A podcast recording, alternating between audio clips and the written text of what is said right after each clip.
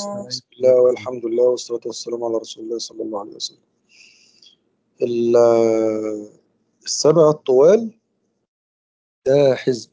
من القرآن الكريم كانوا يحزبوه الصحابة في قراءة وختم القرآن الكريم. فإحنا نفرده كده بنظرة أنا أعتقد إنها فيها بناء بناء للمسلم. وبناء للمجتمع المسلم والأمة المسلمة في العلاقة ما بينهم وبين بعضهم وبينهم وبين نبيهم وبينهم وبين الصحب الكرام وبينهم وبين ربهم سبحانه وبحمده. فكنا إحنا اتكلمنا عن سورة البقرة لأنها مقصدها الإيمان بالغيب ومطلبها الاستسلام لله سبحانه وتعالى. وكنا تكلمنا عن السورة كده بشكل عام وقلنا أنها سورة التوحيد بالتخليل. تكلمنا عن سورة آل عمران وأن مقصد السورة هو توحيد الله عز وجل ومطلبها الثبات والاتباع والدعاء. وتكلمنا أن السورة بشكل عام بتتكلم عن توحيد الله بالتحلية الإضافة. ثم تأتي سورة النساء ومقصدها اللي هي تحقيق الأممية مع ومطالبها رعاية الضعفاء وعلى رأسهم النساء. لأن بتحقيق حقوق النساء وقوامة النساء القوامة على النساء وبالمناسبة هو حق للنساء وليس حق عليهن. فحق للمرأة أن يكون لها قيم يقوم على شؤونها وليس قيم يتسلط عليه. فإذا كان المقام هو القيام على حقوق النساء استطاعت المرأة أن تؤدي دورها بتمام.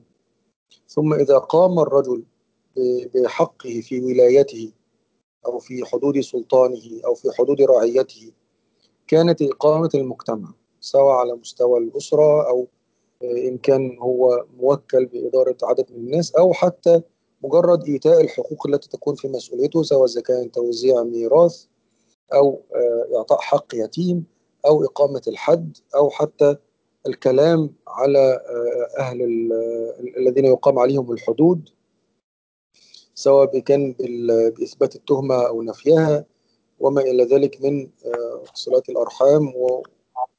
ثم تأتي سورة المائدة ويأتي في أولها تمام النعمة اليوم أكملت لكم دينكم وأتممت عليكم نعمتي ورضيت لكم الإسلام دينا فكان من المناسب جدا أن تكون السورة هي سورة الوفاء بالعقود وكأن كل ما سبق هو نص يدل الإنسان أو يدل يدل الإنسان عموما والمسلم خصوصا على دينه وعلى ربه وعلى كيفية التمسك بهذا الدين والالتزام ومعرفة ملامح هذا الدين العامة.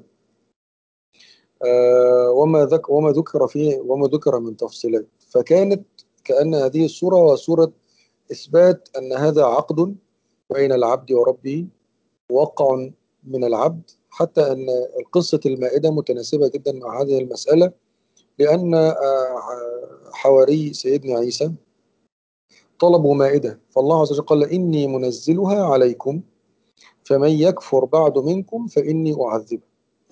فهذا العقد بما أن هذا المسلم هذا هذا الإنسان دخل في الإسلام فهذا عقد ملزم.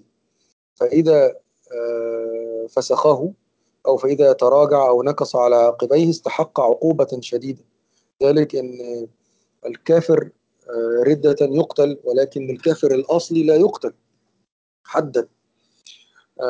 وكذلك إن إحنا نجد إن العقد ما بين المسلمين وبعضهم ببعض سواء إذا كانت عقود مالية أو حتى الوفاء بالعقود التي تسقط في حق تكون في حق الإنسان بموجب المسؤولية زي حق القوامة وحق ولاية اليتامى وما إلى ذلك يجب أن يوفيها حقها. فإذا لم يوفيها حقها انظر في كتاب الله فتجد العقوبة الرادعة. أيضا العقد مع النبي صلى الله عليه وسلم بالاتباع والعقد مع عموم الأمة بعدم أن حتى يعني ألا تؤتى الأمة من قبلك وألا تكون مخذلا للأمة وألا تكون في فصيل المنافقين اللي هو سبب خسارة الأمة أو سبب انهيارها أو سبب هزيمتها على ما ورد قبل ذلك في الآيات. ثم تأتي سورة الأنعام لتقرر حقيقة هي أن الله عز وجل هو المستحق للعبادة وأنه هو المستحق لأن يكون الإله الوحيد الذي يتوجه إليه بالعبادة لأنه صاحب النعم وأنه القادر سبحانه وبحمده على إنفاذ وعده ووعيده بأن يجازي المحسنين بإحسانهم والمسيئين بإساءتهم. وتجد أن ألفاظ السورة قوية حتى أن نزل بها عددا من الملائكة كبير. وهذه سورة عظيمة سورة الأنعام.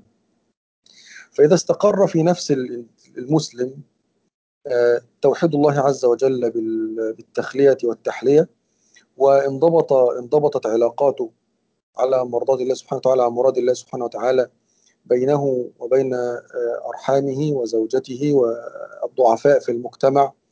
فأقامت فقامت الأسرة وقام المجتمع تماسكت الأمة. ثم إذا وقف على حدود الله عز وجل فأقام العقود التي بينه وبين جميع الأطراف أدى حقها بتمامها واستقر في قلبه معرفة حقيقة الرب سبحانه وتعالى وأنه سبحانه وتعالى هو القاهر فوق عباده. بسورة الأنعام أصبح عند أصبح عنده من التصور التام الكامل بعظمة هذا الدين وبأن يكون إيمانه إيمانا مستقرا لأن ينطلق ويتكلم عن هذا الدين بعزة. كما قال الله عز وجل في أول سورة الأعراف كتاب أنزل إليك فلا يكن في صدرك حرج منه لتنذر به وذكرى للمؤمنين. فتتكلم وتتحرك بهذا الدين وبهذا الكتاب بعزة المسلم بعزة العالم بأن هذا الدين دين الله عز وجل القادر العزيز الحكيم سبحانه وبحمده صاحب النعم التي يتقلب فيها كل مسلم وكل بر وكل فاجر وكل كافر فتعلم أن الله عز وجل هذا. هذا الرب الحكيم سبحانه وبحمده الذي أنزل من التشريعات التي استقرت بها الأمة واستقام لكل صاحب حق حقه سواء إذا كان من الأقوياء في المجتمع أو الضعفاء وأمر القوي بإحاطة الضعيف ورعايته.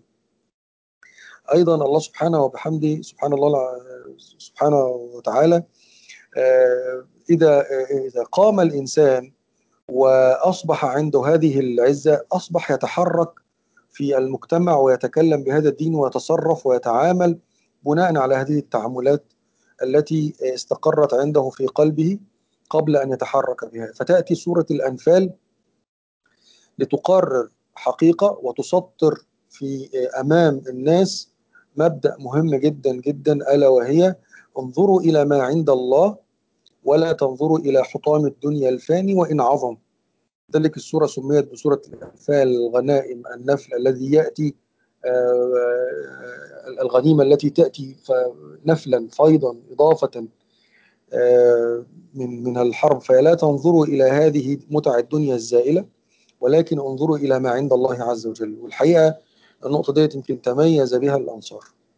لذلك النبي صلى الله عليه وسلم قال لو يعني لولا الهجرة لكنت من الأنصار أو كما قال صلى الله عليه وسلم لأن الأنصار هم من بايعوا رسول الله صلى الله عليه وسلم في بيعة العقبة على أن يكون لهم الجنة والجنة فقط. فالنبي صلى الله عليه وسلم طلب منهم أو عاقدهم وعاهدهم على أن يمنعوه وأن مما يمنعون منه نساءهم وأموالهم وذراريهم وأن ينصروه وما إلى ذلك من من من هذه من هذا الاتفاق الذي تحمل فيه الأنصار عبء مواجهة كل العالم.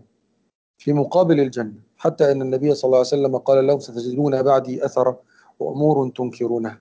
حتى إن النبي صلى الله عليه وسلم قال لهم ذات يوم بعد أن عاد من غزوة وآثر غيرهم عليهم وأعطاهم جميع الغنائم يتألف بها قلوبهم غير الأنصار فلما يعني وجد الأنصار في أنفسهم فقال لهم النبي صلى الله عليه وسلم كلمة عظيمة قال ألا ترضون أن يرجع الناس بكذا وكذا وأنتم ترجعون برسول الله صلى الله عليه وسلم؟ فما أعظمها من نعمة أن يكون النبي صلى الله عليه وسلم بينهم وأن يكونوا هم الفائزين برسول الله صلى الله عليه وسلم. فكانت سورة الأنفال آه، تعبر عن هذه الحقيقة. انظروا إلى ما عند الله ولا تشغلكم حطام هذه الدنيا ولا تلتفتوا إليها ولا يكون هدفكم هو التحصل وتحصيل زينة الحياة الدنيا.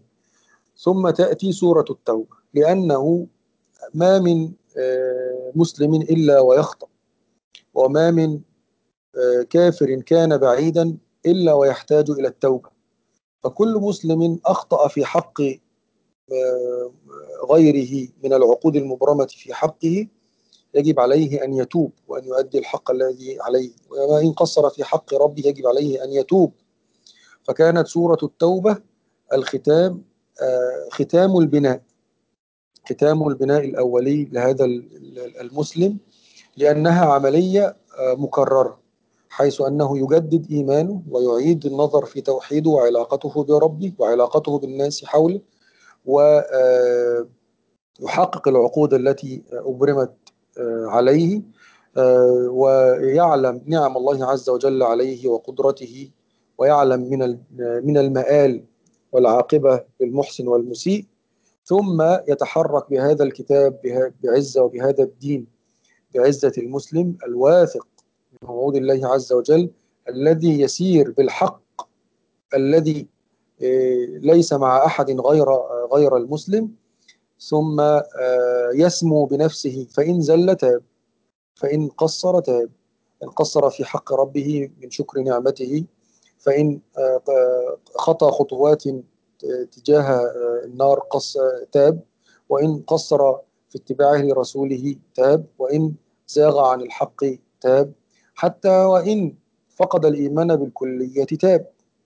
فكانت سورة التوبة هي المتممة والمكملة للتربية لأنها وكأنها هي جبر النقص الدائم. فكلما آه، عاد الإنسان على هذا البدء فكانت سورة التوبة أو كانت التوبة هي الإيه؟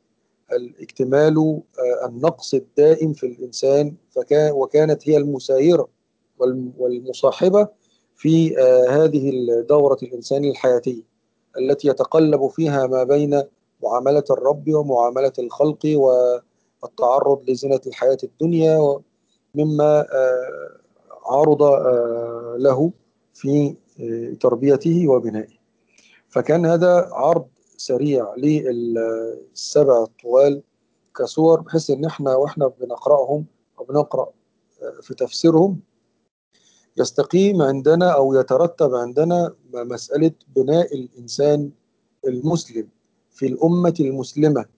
وبحيث إن إحنا كل الآيات اللي نتوقع يعني نتوقف معاها أو نقرأ تفسيرها نكون مستشعرين إن ده معنى من ضمن المعاني آه، بناء المسلم على الترتيب اللي إحنا ماشيين عليه بإذن الله تعالى إن شاء الله بداية من سورة البقرة إلى آه، أن يوفقنا سبحانه وتعالى سبحانه وتعالى أن يديم علينا النعمة وأن يتقبل منا وإياكم وجزاكم الله خيرا كثيرا. والسلام عليكم ورحمة الله وبركاته.